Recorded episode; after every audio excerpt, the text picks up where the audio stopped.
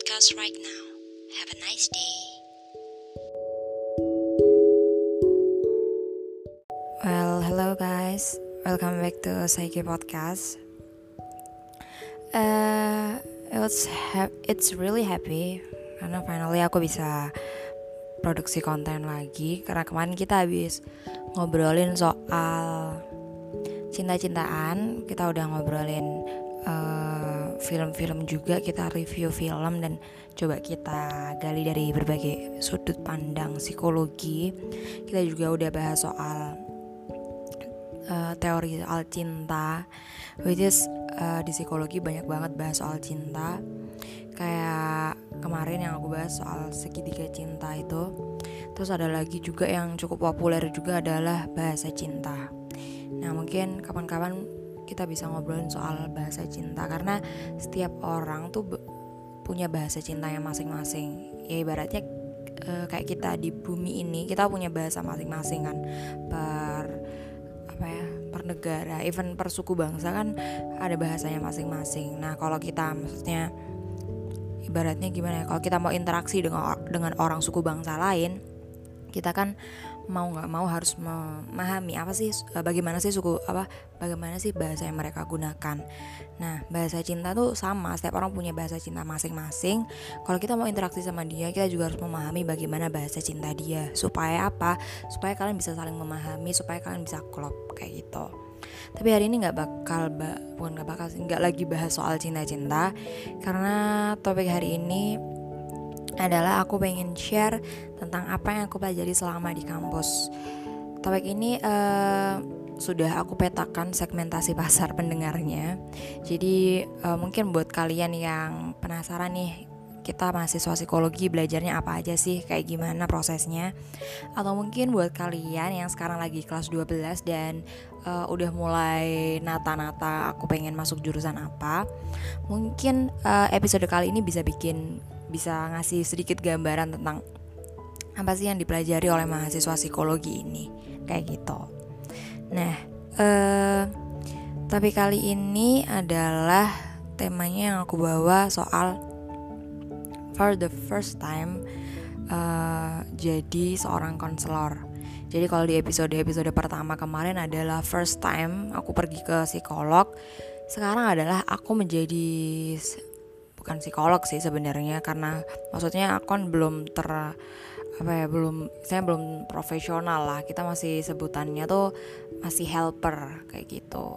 Jadi for the first time aku jadi konselor uh, bukan aku yang datang ke seseorang untuk sharing masalahku tapi ada orang yang datang ke aku untuk sharing uh, and fix their problem kayak gitu Nah, sedikit cerita. Jadi kalau misal kayak kita nih yang masih belajar nih sebutannya adalah helper. Jadi kalau biasanya maksudnya udah konselor profesional kan kayak psikolog, psikiater kayak gitu. Kan aku udah jelasin ya di episode-episode awal kalau konselor tuh ada yang sifatnya profesional dan non profesional dan kayak misalnya guru, suster, dokter.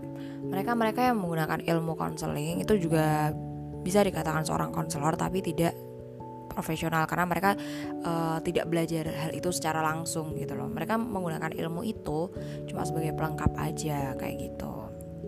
Ya ibaratnya kayak guru kamu gitu atau mungkin pacar kamu atau mungkin uh, siapa ya teman kamu gitu. Misalnya ketika kayak ngeluh nih soal kesulitan duh susah nih belajar ini gitu kan guru kamu pasti akan langsung kayak berusaha untuk uh, apa ya maksudnya fix your problem susahnya di mana? Apa sih uh, yang harus dibenahi? Kayak gitu supaya kamu tidak mengalami kesulitan lagi.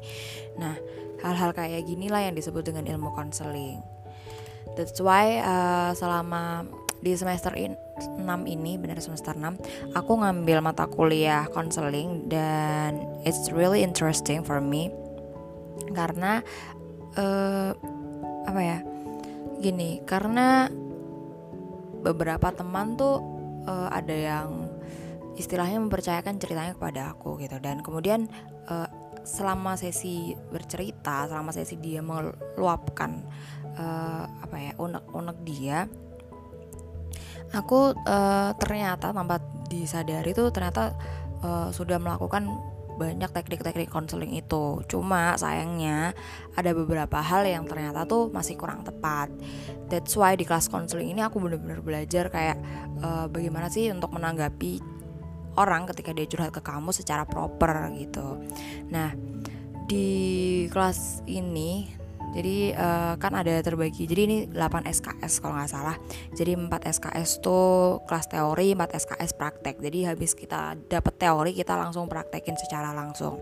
Nah untuk yang hari ini aku jadi konselor tuh uh, di kelas praktek. Jadi uh,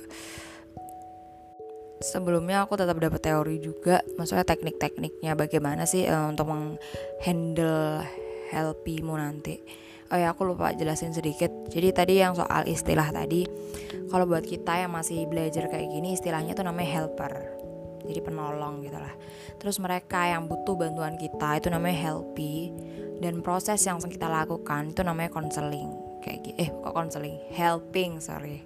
Ya kayak gitu. Nah balik lagi ke teknik-teknik yang aku pelajari tadi. Uh, di sini sebenarnya uh, apa ya sebenarnya kalau sulit banget tuh enggak. Mudah banget juga enggak tapi lebih apa ya lebih kemenantang karena gini uh, di lain sisi kita harus mempraktekkan teknik-teknik yang udah kita pelajari tapi itu kita juga sambil mendengarkan orang bercerita gitu loh. Maksudnya ya kalau kita dengerin orang cerita nih kita uh, sebagai mungkin berusaha untuk menjadi pendengar yang baik ya kita bisa gitu loh. Kita dengerin apa yang dia bicarakan apa yang dia keluhkan. Tapi uh, kalau di setelah mendapatkan kelas konseling ini kita nggak nggak boleh cuma sekedar mendengarkan gitu. Harus ada feedback feedback yang sifatnya reflektif yang sifatnya empati kepada dia yang intinya dia merasa bahwa aku nih didengarkan aku nih berada di tempat yang tepat dia mengerti aku aku merasa aman bercerita dengan dia. Hal-hal kayak gini tuh uh, sangat penting untuk ditanamkan uh, untuk sisi si healthy itu sendiri. That's why kesulitannya adalah uh, deg-degannya sih sebenarnya adalah aku tuh takutnya maksudnya uh, oke okay, kalau dengerin doang ngobrol secara maksudnya secara santai kita sambil ketawa-ketawa tuh bisa tapi aku tuh uh, karena di lain sisi tuh apa ya pikiran tuh kayak bercabang dua. Jadi sambil kita mendengarkan sambil kita menerapkan teknik-teknik tadi. Nah itu tuh rasanya tuh jadi kayak mungkin karena baru pertama juga rasanya tuh kayak berjalan beriringan dan kayak aduh aku udah nerapin teknik ini belum ya? Aku udah maksudnya udah bener belum ya uh, tanggapanku kayak gitu Nah, di kelas konseling ini aku belajar bahwa kita sebagai seorang helper, kita tidak boleh memberikan solusi. Kenapa? Karena kita perlu untuk supaya uh, solusi ini tidak datang dari mulut kita gitu loh. Solusi datang dari mulut si helpy itu sendiri. Tujuannya apa? Supaya si helpy ini lebih berdaya ketika dia bertemu dengan masalah serupa. Jadi misalnya ketika apa namanya? uh, si setelah sesi konseling kemudian si Helpy menemukan insight baru kayak oh ya aku seharusnya kayak gini ya. Nah ketika dia merasa bahwa pada masalah ini oh aku bisa nih nanganinnya. Masalah-masalah lain mungkin polanya akan serupa jadi aku mungkin akan bisa juga untuk handle masalah ini. Nah hal-hal kayak gini tuh yang sangat penting dan sangat apa ya sangat ditegakkan gitu loh. Dalam artian rasanya susah gitu loh. Maksudnya untuk menahan tidak memberikan solusi itu susah. Jadi durasi sesi konseling tuh aku kemarin berapa ya? Sekitar 59 menitan. Jadi kita butuh waktu sekitar 40 sampai 1 jam gitu persyaratan dari dosennya.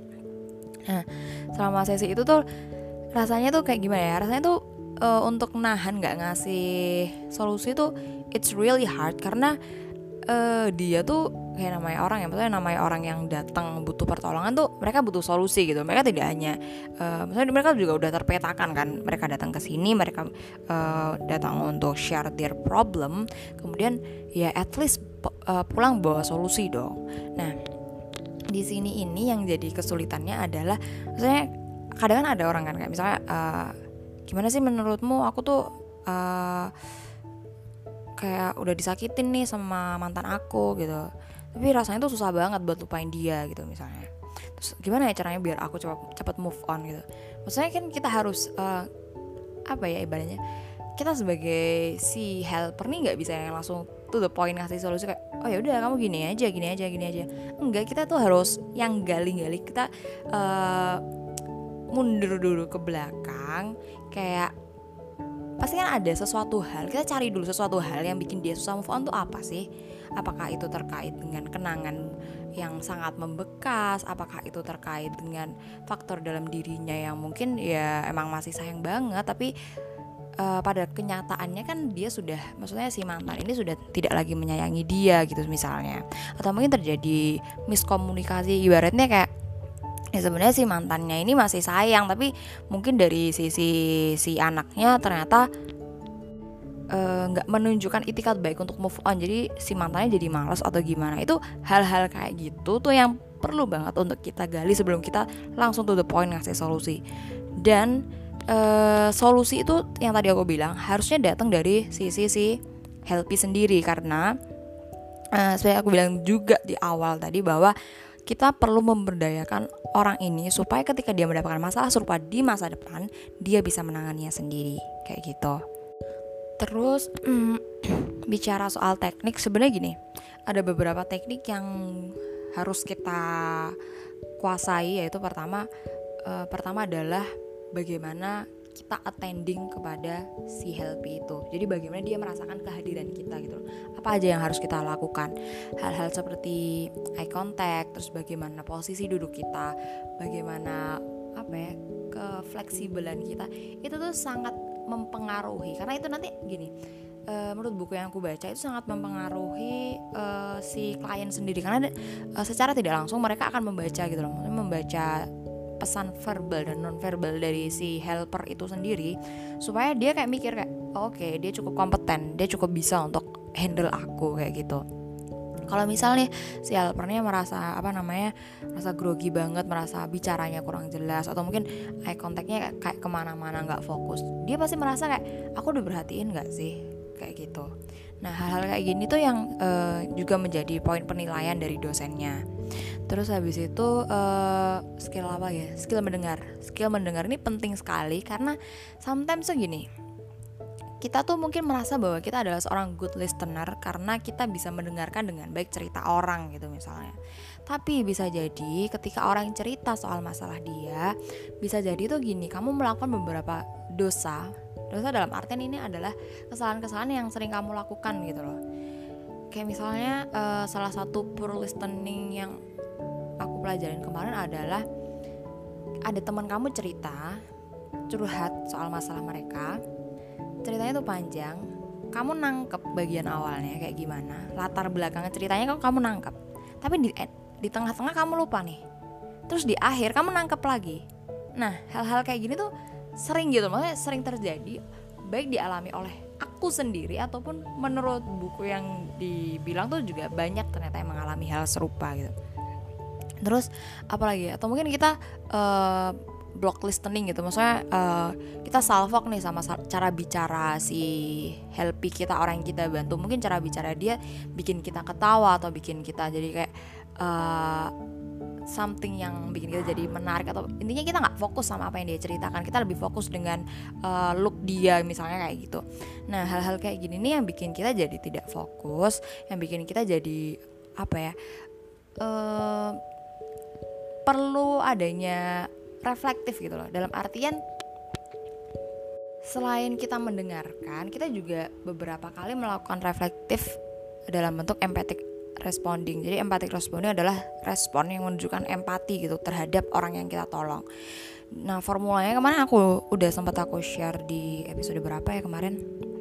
Jadi formula salah satu formula untuk uh, making someone feel kayak diperhatikan tuh uh, formulanya adalah oke. Okay, jadi kamu merasa, kamu mention apa perasaan dia, karena kamu mengalami kamu mention pengalaman dia. Jadi misalnya oke okay, kamu ngerasa takut ya ketika kamu bertemu dengan uh, mantan kamu yang abusif gitu misalnya.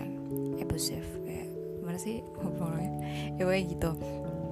Oke ketika ketemu mantan kamu yang pernah melakukan kekerasan gitu ke kamu. Nah eh, hal-hal uh, kayak gini tuh mungkin bisa membantu kamu untuk apa sih selain untuk klarifikasi mungkin tadi di tengah-tengah kamu ada block listening gitu. Makanya kamu uh, kayak sempat ada yang nggak nangkep gitu. Nah di sini tuh kayak konfirmasi ulang serta untuk uh, membuat si help itu merasa oh, oke okay, aku didengarkan selama aku bercerita. Kayak gitu. Oke udah terus block listening uh, listening terus empathic responding. Terus habis itu uh, ada apa ya? Lupa aku. Summarizing. Summarizing tuh salah satu tahap yang paling akhir sebenarnya. Jadi uh, setelah kita sebenarnya bukan tahap yang paling akhir lebih tepatnya gini. Uh, ketika dia ngobrol gitu maksudnya orang tuh biasanya datang ke helper ngobrol berbagai topik yang ibaratnya tuh kayak benang kusut gitu loh Nah, si helper ini tugasnya adalah untuk uh, memisahkan benang-benang kusut ini supaya jadi lurus lagi gitu. Nah, nah karena biasanya tuh topik pembicaraannya bakal sangat apa ya ibaratnya sangat rumit gitu loh nah karena setelah kita udah meta ini satu-satu masalah kamu kita mulai bahas dulu apa namanya oke okay, eh, kamu merasa gini-gini karena kamu udah uh, karena kamu udah di kamu merasa sedih karena kamu udah diputusin sama pacar kamu. Padahal kamu udah berusaha untuk jelasin ke dia bahwa uh, cowok yang kemarin jalan sama kamu tuh bukan selingkuhan kamu misalnya kayak gitu ya.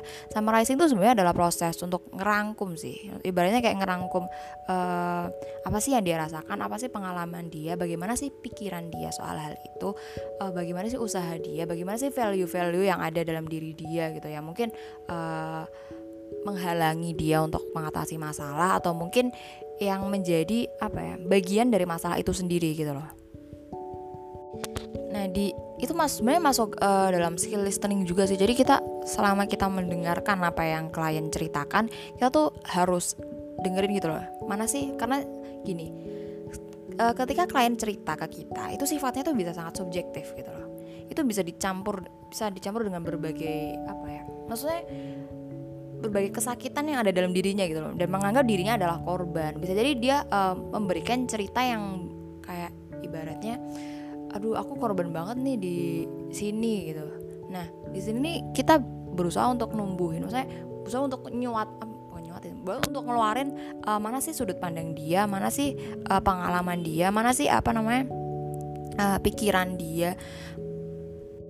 Nah hal-hal kayak gini tuh yang kita pelajari maksudnya teknik-teknik yang kita pelajari selama di sesi konseling kayak gitu. Terus uh, apa lagi ya oh ya jadi sebenarnya gini uh, tugasnya tuh kita tuh disuruh nyari klien gitu kan. Maksudnya bukan dari luar eh bukan dari maksudnya bukan dari sama-sama anak yang kuliah di psikologi gitu. Kalau bisa dari luar psikologi jurusan lain nggak apa-apa event satu kampus. Nah setelah kita dapat klien kita tuh kliennya tuh di mix. Jadi maksudnya tujuannya adalah supaya kita nggak ngekonseling orang yang kita bawa sendiri gitu loh. Misalnya kita bawa adik kita ya masa kita ngonselingin adik kita hal-hal kayak gini tuh sebenarnya sangat dihindari. Apalagi kalau misal kayak apa ya ibaratnya jadinya tuh kita bukan menerapkan teknik-teknik konseling kita ibaratnya cuma jadi temen yang uh, sekedar dengerin cerita gitu loh. Jadi kayak like best friend. Jadi perbedaan kamu curhat sama teman kamu sendiri dan sama psikolog adalah kalau teman kamu mungkin cuma akan menanggapinya secara oh, oke okay, jadi uh, kamu ngerasa gini gini gini ih nyebel ih nyebelin ya dia. Kok kayak gitu sih? Banyak temen kamu kan bahkan cenderung untuk mendukung kamu ya. Even uh, dia memberikan solusi-solusi yang sifatnya konstruktif pun uh, ini berbeda ketika psikolog yang menangani kamu gitu loh. Maksudnya karena psikolog ini udah belajar dia tuh uh, tahu bagaimana uh, kemungkinan berbagai kemungkinan background masalah kamu pertama. Kedua dia punya teknik-teknik buat kamu untuk aware sebenarnya masalah kamu tuh di mana sih? Bisa jadi gini bisa jadi tuh uh, sometimes kita tidak aware dengan masalah yang terjadi dengan diri kita sendiri gitu loh. Mungkin kita merasa bahwa oh nilaiku turun nih gara-gara aku kurang tidur misalnya. Mungkin problem pertama itu gitu. Mungkin bisa dicari juga kenapa sih kamu kok bisa kurang tidur? gitu. Kenapa kamu? Mungkin teman kamu cuma bakal ngasih solusi kayak ya udah tidur yang cukup gitu.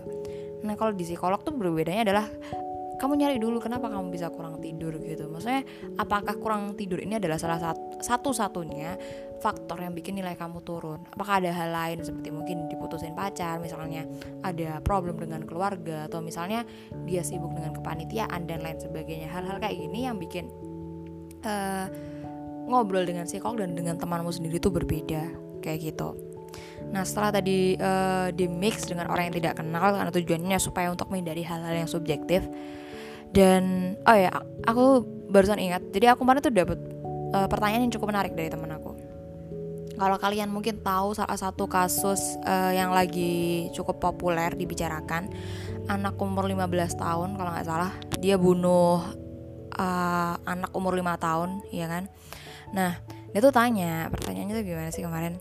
Kayak uh, emang psikolog tuh sesantai itu ya? Maksudnya harus sesantai itu ya untuk menjawab suatu masalah. Maksudnya masalah itu udah masalah berat gitu. Masalahnya udah soal bunuh orang gitu. Maksudnya menghilangkan nyawa orang. Kalau misalnya di mata hukum ya anak itu bisa udah kena jerat hukum gitu. Sedangkan kalau misal uh, di psikolog tuh kok santai gitu jawabnya gitu.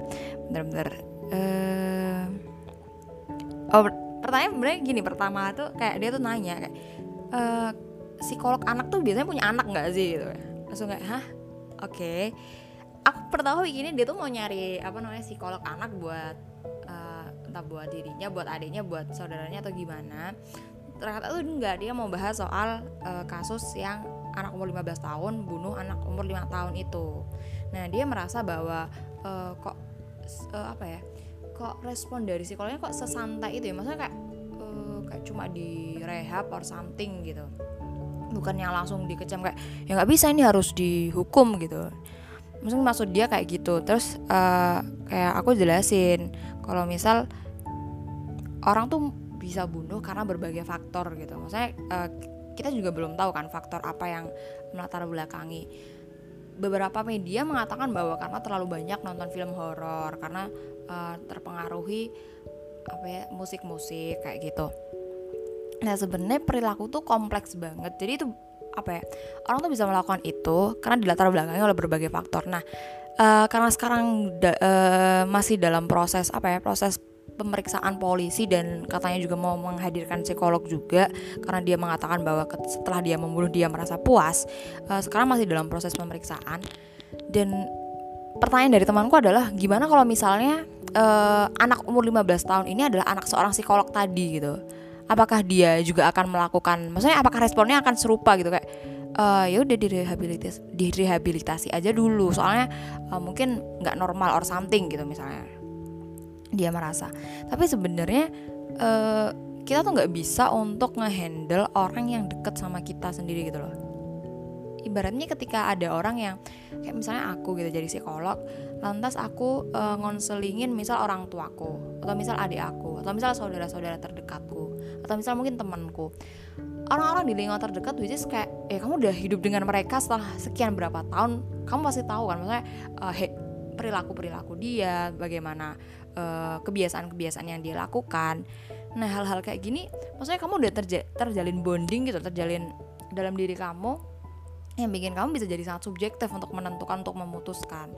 Nah uh, kalau misal kasusnya seperti ini kata dosen aku better kayak misalnya konseling ya itu lebih baik di refer ke orang yang apa ya di switch ke orang yang orang lain yang maksudnya menguasai bidang itu tentunya.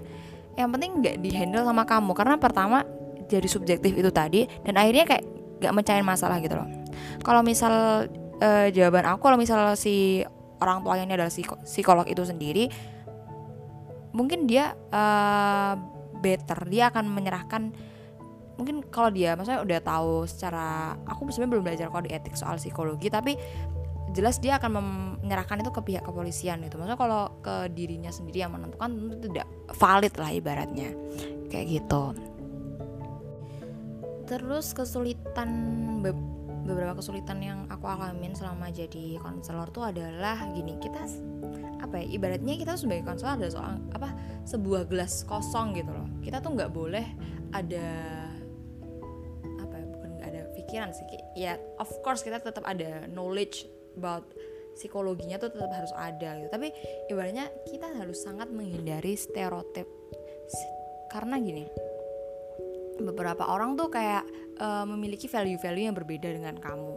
Beberapa orang kayak misalnya uh, kita tahu kan bahwa stereotip itu biasanya kayak gini uh, orang ini nih kayak gini nih orang ini nih kayak gini. Kalau uh, biasanya tuh orang ini perilakunya pelit gitu misalnya atau mungkin orang dari daerah sini misalnya perilakunya seperti ini gitu.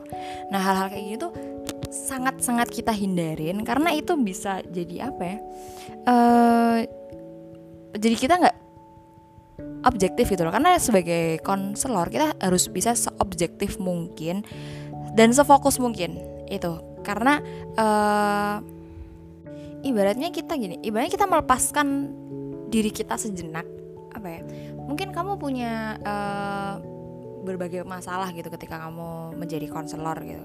Kamu lagi ada masalah banyak terus kamu harus ngonselingin orang. Nah ini kalau misalnya kamu masih mampu untuk maksudnya untuk ngonselingin orang masalah-masalah ini kamu lepasin dulu kamu fokus ke orang ini. Kayak gitu. Dan hal-hal kayak uh, apa ya regulasi emosi itu penting banget untuk dimiliki seorang konselor. Uh, stereotip tadi benar-benar harus dihindari banget karena itu nanti jatuhnya bakal jadi judgement. Karena salah satu value penting untuk menjadi seorang konselor adalah kamu harus mau appreciate to any diversity. Kamu maksudnya harus open minded lah istilahnya kayak gitu. Jadi ketika kamu gini jadi ketika kamu datang ke psikolog tuh sebenarnya kamu nggak perlu khawatir gitu. Untuk aku bakal di judgement apa ya apakah karena aku berpakaian seperti ini aku nanti lantas akan dinilai yang tidak tidak gitu. Sebenarnya kamu tidak perlu khawatir tentang hal-hal itu karena sejak uh, kita sekolah maksudnya sekolah sih sejak kita belajar itu kita udah dididik untuk menghilangkan sifat-sifat itu gitu loh. Pikiran-pikiran itu berusaha untuk kita hilangkan. Jadi uh, ketika dia berhadapan langsung dengan klien sudah tidak sudah dipastikan sih. Tapi uh, kemungkinan besar dia tidak akan uh, melakukan hal-hal seperti judgmental kalau dia masih ibaratnya kalau dia masih judgmental atau lain sebagainya itu pasti akan sangat menghalangi dia untuk membantu kamu untuk apa namanya membantu kamu untuk memecahkan masalah. Kayak gitu. Uh, I think enough for today. Karena uh, sudah cukup panjang 30 menit. Thank you for listening me. Setelah ini aku bakal uh, hadirin beberapa testimoni. Testimoni. Beberapa kesan-pesan dari teman-teman aku yang juga kemarin uh, latihan jadi konselor for the first time. Kita dengerin gimana pendapat mereka. Oke? Okay?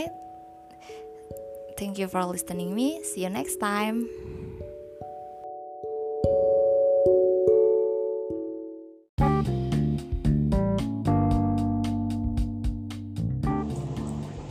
Halo, kenalin nama aku Agatha Sofia. Aku semester 6 di Fakultas Psikologi. Nah, jadi hari ini tuh aku lagi uh, latihan jadi konselor dengan ada klien dari luar yang gak aku kenal, random gitu. Terus durasinya konseling tuh sekitar satu jaman. Nah, aku kebetulan dapat klien cewek dia masih semester 2 berkuliah. Dan lucu banget karena dia datang dengan masalah yang menurutku sebenarnya bukan masalah tapi dia mengangkat itu sebagai sebuah masalah yang kayak berat banget dan mengganggu hidupnya gitu loh. Nah ini yang uniknya dari konselor di mana kita nggak bisa memaksakan perspektif kita ke orang lain kita benar-benar harus memposisikan diri sama seperti klien tapi dengan catatan tetap, harus objektif. Jadi istilahnya kalau dosenku bilang boleh nyemplung satu kaki tapi satu kakinya jadi pijakan di luar air ya gitu loh. Jadi kalau misal e, empati boleh empati tapi tetap ada pijakan yang objektif untuk tetap mempertahankan alur konseling gitu. Nah yang hari ini aku lakuin selama 55 menit sih tadi durasi konselingnya. Aku lebih banyak mendengarkan ceritanya dia. Terus habis itu aku respon dengan empati. Terus kalau misal ada informasi yang aku perlu gali lagi biasanya aku probing. Itu sebutan kerennya probing. Kayak nanya gimana sih? Boleh nggak kamu ceritain lagi tentang ini? Terus kalau aku merespon itu yang lebih ke memastikan atau meng, apa ya clarify perasaannya dia. Oh jadi kamu ngerasa kecewa ya sama teman-temanmu misalnya kayak gitu. Terus hal yang bikin aku belajar hal baru adalah um, apa ya banyak sih sebenarnya. Tapi menurutku yang paling menonjol adalah aku harus menahan diri untuk memberi solusi solusi yang dari perspektifku tuh loh karena kan kalau konseling itu harus lebih memberdayakan klien. Harus ngajak klien tuh mikir. Maksudnya konselor tuh menganggap klien sebagai manusia yang berdaya. Bukannya dia datang terus uh, cuman ngandelin solusi kita aja. Beda kan sama kayak ngomong sama temen-temen sendiri gitu. Kalau ngomong sama temen sendiri mah bisa aja kayak langsung kasih solusi ah udah kalau kamu kayak gini aja kamu gini gini gini gitu. Nah sedangkan kalau di konseling profesional nggak bisa kayak gitu. Jadi aku belajar untuk tetap objektif dan gimana sih caranya supaya klienku ini bisa ikutan mikir dan akhirnya dia mandiri gitu loh sama masalah-masalah dia. Well kayak masalah tuh nggak bakal hilang. Setiap step hidup kita kan pasti bakal ada masalah. Jadi yang bedain itu adalah perspektif kita terhadap masalah itu sendiri. Mungkin sebelum dari sebelum datang konseling, klienku itu apa ya kayak buntu dia nggak punya harapan lagi sama masalahnya. Tetapi ketika setelah konseling diharapkan dia bisa mendapatkan perspektif baru terhadap masalahnya. Jadi lebih positif aja gitu. Gitu deh. Halo, kenalin aku Agis. Um, jurusan psikologi angkatan 2017. Jadi uh, kesan pertama praktek jadi konselor kemarin itu adalah um, menjadi seorang konselor itu bukan hal yang mudah untuk dilakukan dan bukan hal yang uh, cocok buat aku kayak gitu kenapa? Karena um, bener-bener susah banget gitu. Um, bayangin aja dari segi teori itu udah susah. Udah susah ditambah lagi ketika kita praktek. Itu susahnya jadi double banget sih. Jadi bener-bener double susahnya. Terus itu belum lagi um, jadi konselor itu ada kriteria-kriteria yang harus dipenuhi gitu kan. Dan kriterianya tuh nggak cuma satu dua tiga gitu tapi banyak sekali gitu. Banyak banget kriterianya. Dan itu kriteria itu kalau misalkan nggak dipenuhi semua uh, kamu nggak bisa jadi konsor yang kompeten kayak gitu. Nah waktu praktek kemarin um, aku dapat konseli yang aku udah kenal sebelumnya tapi belum begitu dekat. Tapi aku udah kenal. Dan meskipun kita baru kenal nggak deket banget um, keinginan atau urge buat kasih dia suggestion itu masih ada gitu loh. Uh, jadi gini kita sebagai konselor kan nggak boleh kasih saran atau suggestion ke konseling kita itu sama aja kita kayak kasih solusi ke mereka gitu kan. Nah yang uh, harus kita lakukan sebagai konselor adalah kita itu harus membantu mereka untuk uh, ya mencari solusinya mereka sendiri. Kayak gitu. Caranya dengan uh, memetakan memetakan masalahnya mereka. Dan itu susah sekali dilakukan. Jadi uh, ketika sesi berlangsung itu kita harus multitasking gitu sebagai konselor. Kita harus dengerin kita harus attending tapi kita harus inget poin-poin yang mereka bilang kayak gitu. Nah habis itu kita harus um, bantu mereka memetakannya memetakan masalahnya mereka. Intinya kayak gini uh, ketika konselor eh salah ketika konseli datang ke kita itu mereka bawa benang kusut gitu kan. Benangnya rumput banget kusut gitu. Nah um, kita sebagai konselor membantu mereka buat untangle benang itu.